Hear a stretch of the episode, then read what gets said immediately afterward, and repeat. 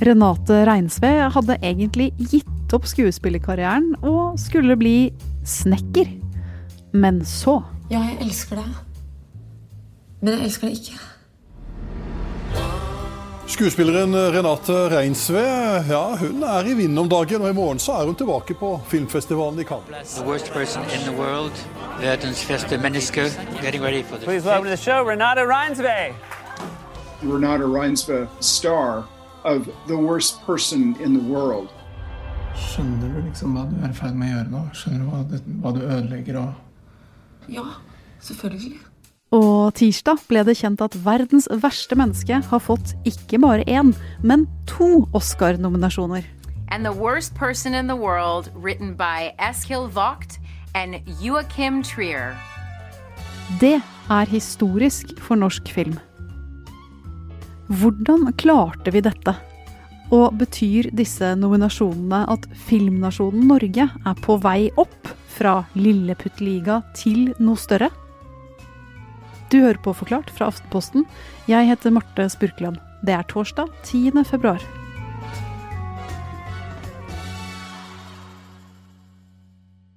Dette er en stor, stor begivenhet i eh, Film-Norge, rett og slett. Det er historisk. Aldri før har en norsk film blitt nominert til to priser. Og det er også utrolig sjeldent at en film blir nominert i utgangspunktet. Iallfall en norsk film. Det skjer eh, så å si aldri. Sist gang var i 2013, da Kon-Tiki ble nominert. Morten Svenke er reporter i kulturavdelingen i Aftenposten. Og om noen få uker skal han pakke kofferten og dra til Los Angeles for å følge Oscar-utdelingen. Men her og nå, Morten, for alle som ikke har sett 'Verdens verste menneske', hva handler den om? Dette er en film om identitet og livskriser, som er eh, fortalt gjennom hovedkarakteren Julie. En person som vi får være med eh, gjennom livet, gjennom 20-årene, eh, ut i 30-årene. Der hun møter eh, forskjellige typer menn. Hvem er det hun skal dele livet med? Hva er det hun trenger? Eh, hvordan skal hun finne mening? Hun er innom forskjellige studieretninger, forskjellige yrker. Hun lander liksom aldri helt. Vil alltid videre. Um, og så er vi i eh, et uh, Oslo som er ekstremt vakkert. Uh, I det fine sommerlyset som man kan finne i Oslo, med alt det byen har å by på. Og det er også sånn at dette er den tredje filmen i Joachim Triers Oslo-triologi. Og vi møter nå en mye større et mye større Oslo. En større by med flere muligheter. Det har utvikla seg litt over tid, de som kjenner Triers verker. Men kan man like den uten å være fra Oslo? Så absolutt, men jeg tror du får lyst til å dra til Oslo. Og denne filmen som kritikerne er så begeistret over, er nominert i kategoriene Beste internasjonale film og Beste originale manus. Og at en film som ikke er engelskspråklig er nominert i manuskategorien, det er ekstra overraskende. Det er altså utrolig sjeldent, og det har aldri skjedd før, at en norsk film er blitt eh, nominert i denne kategorien, og det er sjeldent i det hele tatt at ikke-engelskspråklige filmer blir nominert. Grunnen til det er at de som bestemmer, de snakker engelsk, stort sett. Det er altså en gjeng som kalles Akademiet, som er filmfolk, ehm, og det er de som bestemmer, det er flere tusen av de. Og i dette tilfellet så er det altså manusforfattere rundt omkring i hele verden som skal se filmen, og så eh, foregår jo 'Verdens verste mennesker på norsk, et språk de fleste ikke forstår. Derfor så det, kan vi jo anta at det gir mer inntrykk når man får se en film på et språk man forstår. Dette blir jo litt som at vi skulle sett en polsk film tekstet i norsk. Det ville vært noe helt annet, en annen opplevelse, enn å se en polsk film som polakk. Så derfor så er det nok vanskeligere for utenlandske filmer å nå opp i de kategoriene som eh, er de gjeveste, der de konkurrerer med alle andre filmer i hele verden. Og hvis disse nominasjonene skulle bli til priser, hva har det å si for de i og rundt filmen? Dette er egentlig først og fremst et utstillingsvindu. Eh, Oscar er eh, det samme som oppmerksomhet, så å si. Så det er et eh, salgsargument, et kvalitetsstempel, absolutt. Det er en anerkjennelse av hva filmen er, at den er god nok, og at kollegene i Oscar-akademiet mener den er god nok. Samtidig så er det jo uh, utrolig mange anledninger til å få oppmerksomhet som knytter seg til Oscar. Og du kan putte på filmplakaten din, eller på DVD-coveret som det var i gamle dager. Denne uh, filmen har fått disse og disse prisene. En Oscar, og i uh, Oscar-nominasjon i 'Verdens verste menneskes' tilfelle, og også da eh, pris i, i Cannes, og nominert i Cannes, som eh, denne filmen er blitt før. Hei. Hei Hva er det du drikker for noe? Champagne. Gjett en gang. Ja, var den god? Nei, det er Mosell. Mosell. Det er Mosell på støtt. Tirsdag denne uka, etter at nominasjonene var blitt kjent, var Morten på vinebar og møtte skuespillerne i filmen, og regissør Joakim Trier og manusforfatter Eskil Fugt. De skålte i champagne. De var veldig happy og overrasket over at de ble nominert i den manuskategorien. Hvis vi skal, på tross av liksom norske selvforklandrende Det var lyden av skåling. Ja, eller sånn der, eh, verdens verste menneskefølelse, at man aldri er god nok og sånn, så syns jeg faktisk vi skal tillate oss å være stolte i dag. De har jo sittet eh, på et eh, rom og prøvd å finne på dette helt fra bunnen av, eh, og følt seg som idioter, sa de. Men så blir det altså til noe som kollegene deres eh, rundt omkring i verden, folk de respekterer, mener er bra. Og det er en deilig anerkjennelse. Men ikke minst så vil det gi utrolig mange bra karrieremuligheter. Det gir dem et navn internasjonalt. Det blir lettere å selge filmer med deres navn på til utlandet. Og det vil bli lettere for dem å jobbe i utlandet hvis de har lyst til det. Og Renate Reinsveda, som spiller hovedrollen i filmen, hva har disse nominasjonene å si for henne? Dette er jo et navn som var helt ukjent for de aller fleste. Ikke bare internasjonalt, der var det vel ingen som visste hvem hun var. Men også i Norge har ikke dette vært en veldig fremtredende skuespiller før Trier eh, fant henne frem fra bunken. Trier er kjent for å eh, forelske seg litt i skuespillere og bruke det igjen. Han ser etter kvaliteter eh, som er veldig særegne, og så bestemmer han seg. Og med Renate Reinsve så har han bestemt seg. Hun skulle ha denne hovedrollen. Og det det resulterer i nå, er at hun, hun er ansiktet eh, for denne filmen. Og hun eh, reiser rundt i verden med flotte designerkjoler og er også ambassadør for filmen. En gallionsfigur, ikke sant. Så selv om hun eh, bare har én av rollene, og det er mange som jobber der, så, som har jobbet med filmen, så er hun blitt på en måte ansiktet utad. Så for henne så gir det, gir det enormt med muligheter. Det er nok natt og dag fra før og etter verdens verste menneske. Når norske idrettsutøvere gjør det bra i internasjonale konkurranser, da er det vi, hele Norge, som tar gull. Så hvorfor skal kultur og film være annerledes? Nå er vi Oscar-nominert for verdens verste menneske. Og hva skal til for at vi skal vinne?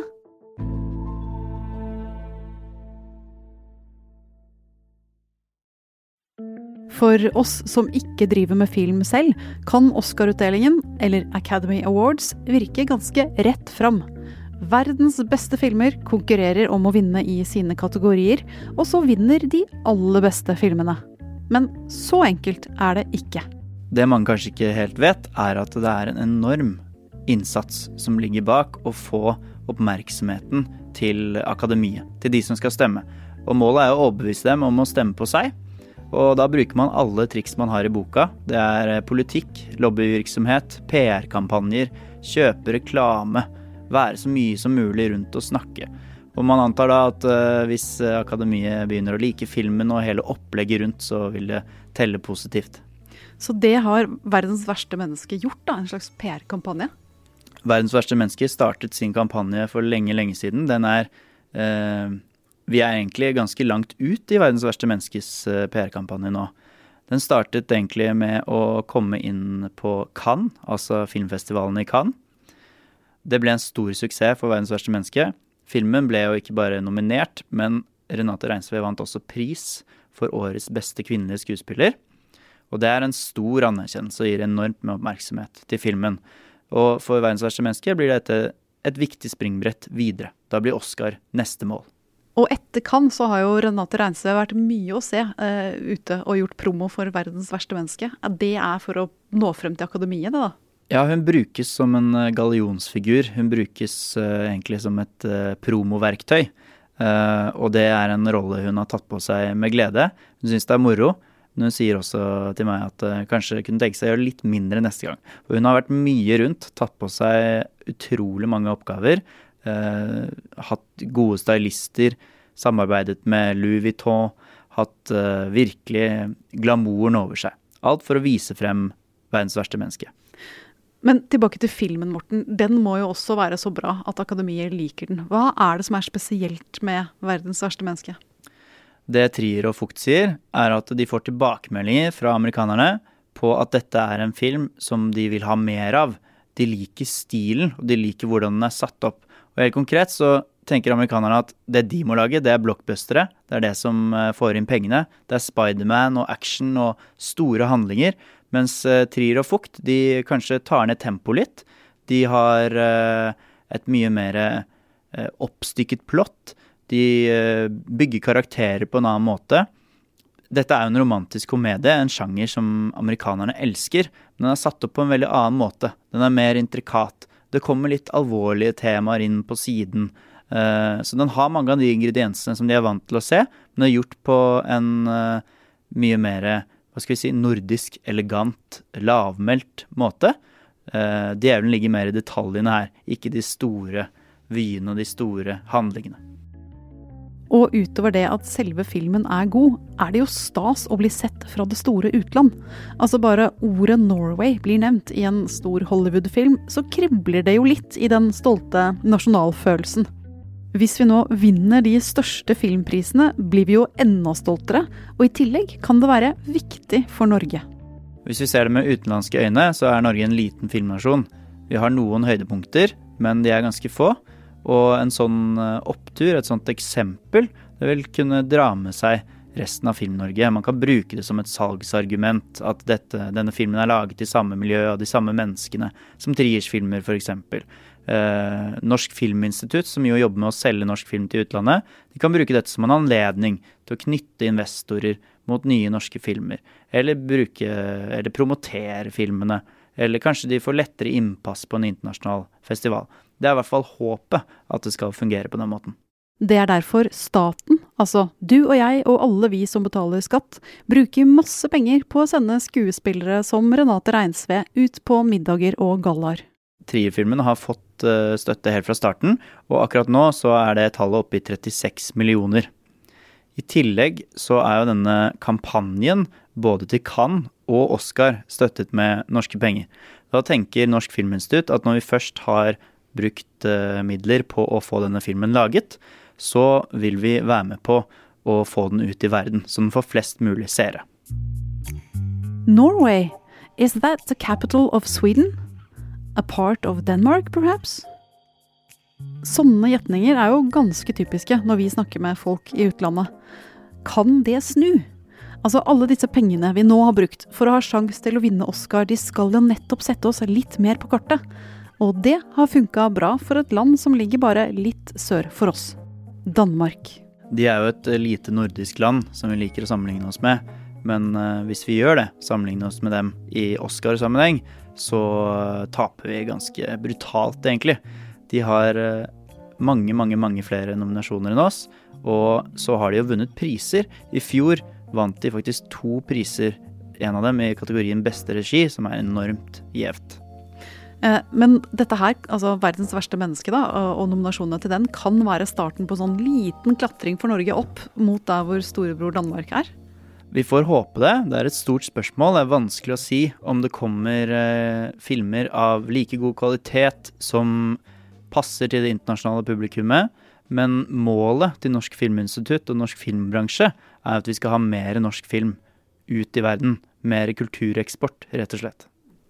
Og hvis vi nå får Oscar-priser, Morten, da blir du som kulturreporter glad? Jeg blir jo glad som nordmann, og som kulturreporter. Det er moro. Jeg skal til LA og følge med. Det er jo gøy hvis det blir litt norsk fest der. Samtidig så får jeg prøve å holde en sånn profesjonell avstand til det hele. Ikke være for heiagjeng. Hvis vi taper, da, er hele satsingen, alle pengene og alle drømmene bortkasta? Det er det på ingen måte. Dette er allerede en stor suksess. Jeg tenker at uh, den gjengen som holder på med dette, den norske delegasjonen, nok er fornøyd med det de har fått. De har lite å tape. Dette er allerede langt over forventningene. Og så må vi faktisk legge til at hvis det ikke går veien for verdens verste menneske, så har vi jo flere sjanser.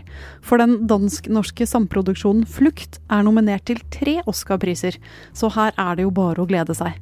Eh, Morten, tror du det er mange som kommer til å sitte oppe og se på denne historiske utdelingen natt til 28. mars? Det gjenstår å se. Det er jo midt på natten klokka to. Eh, det er vel på ettermiddagen eh, kvelden der borte. Så enten så sitter du oppe og koser deg og blir veldig trøtt dagen etterpå, eller så kan du våkne til kanskje litt gode nyheter dagen etter.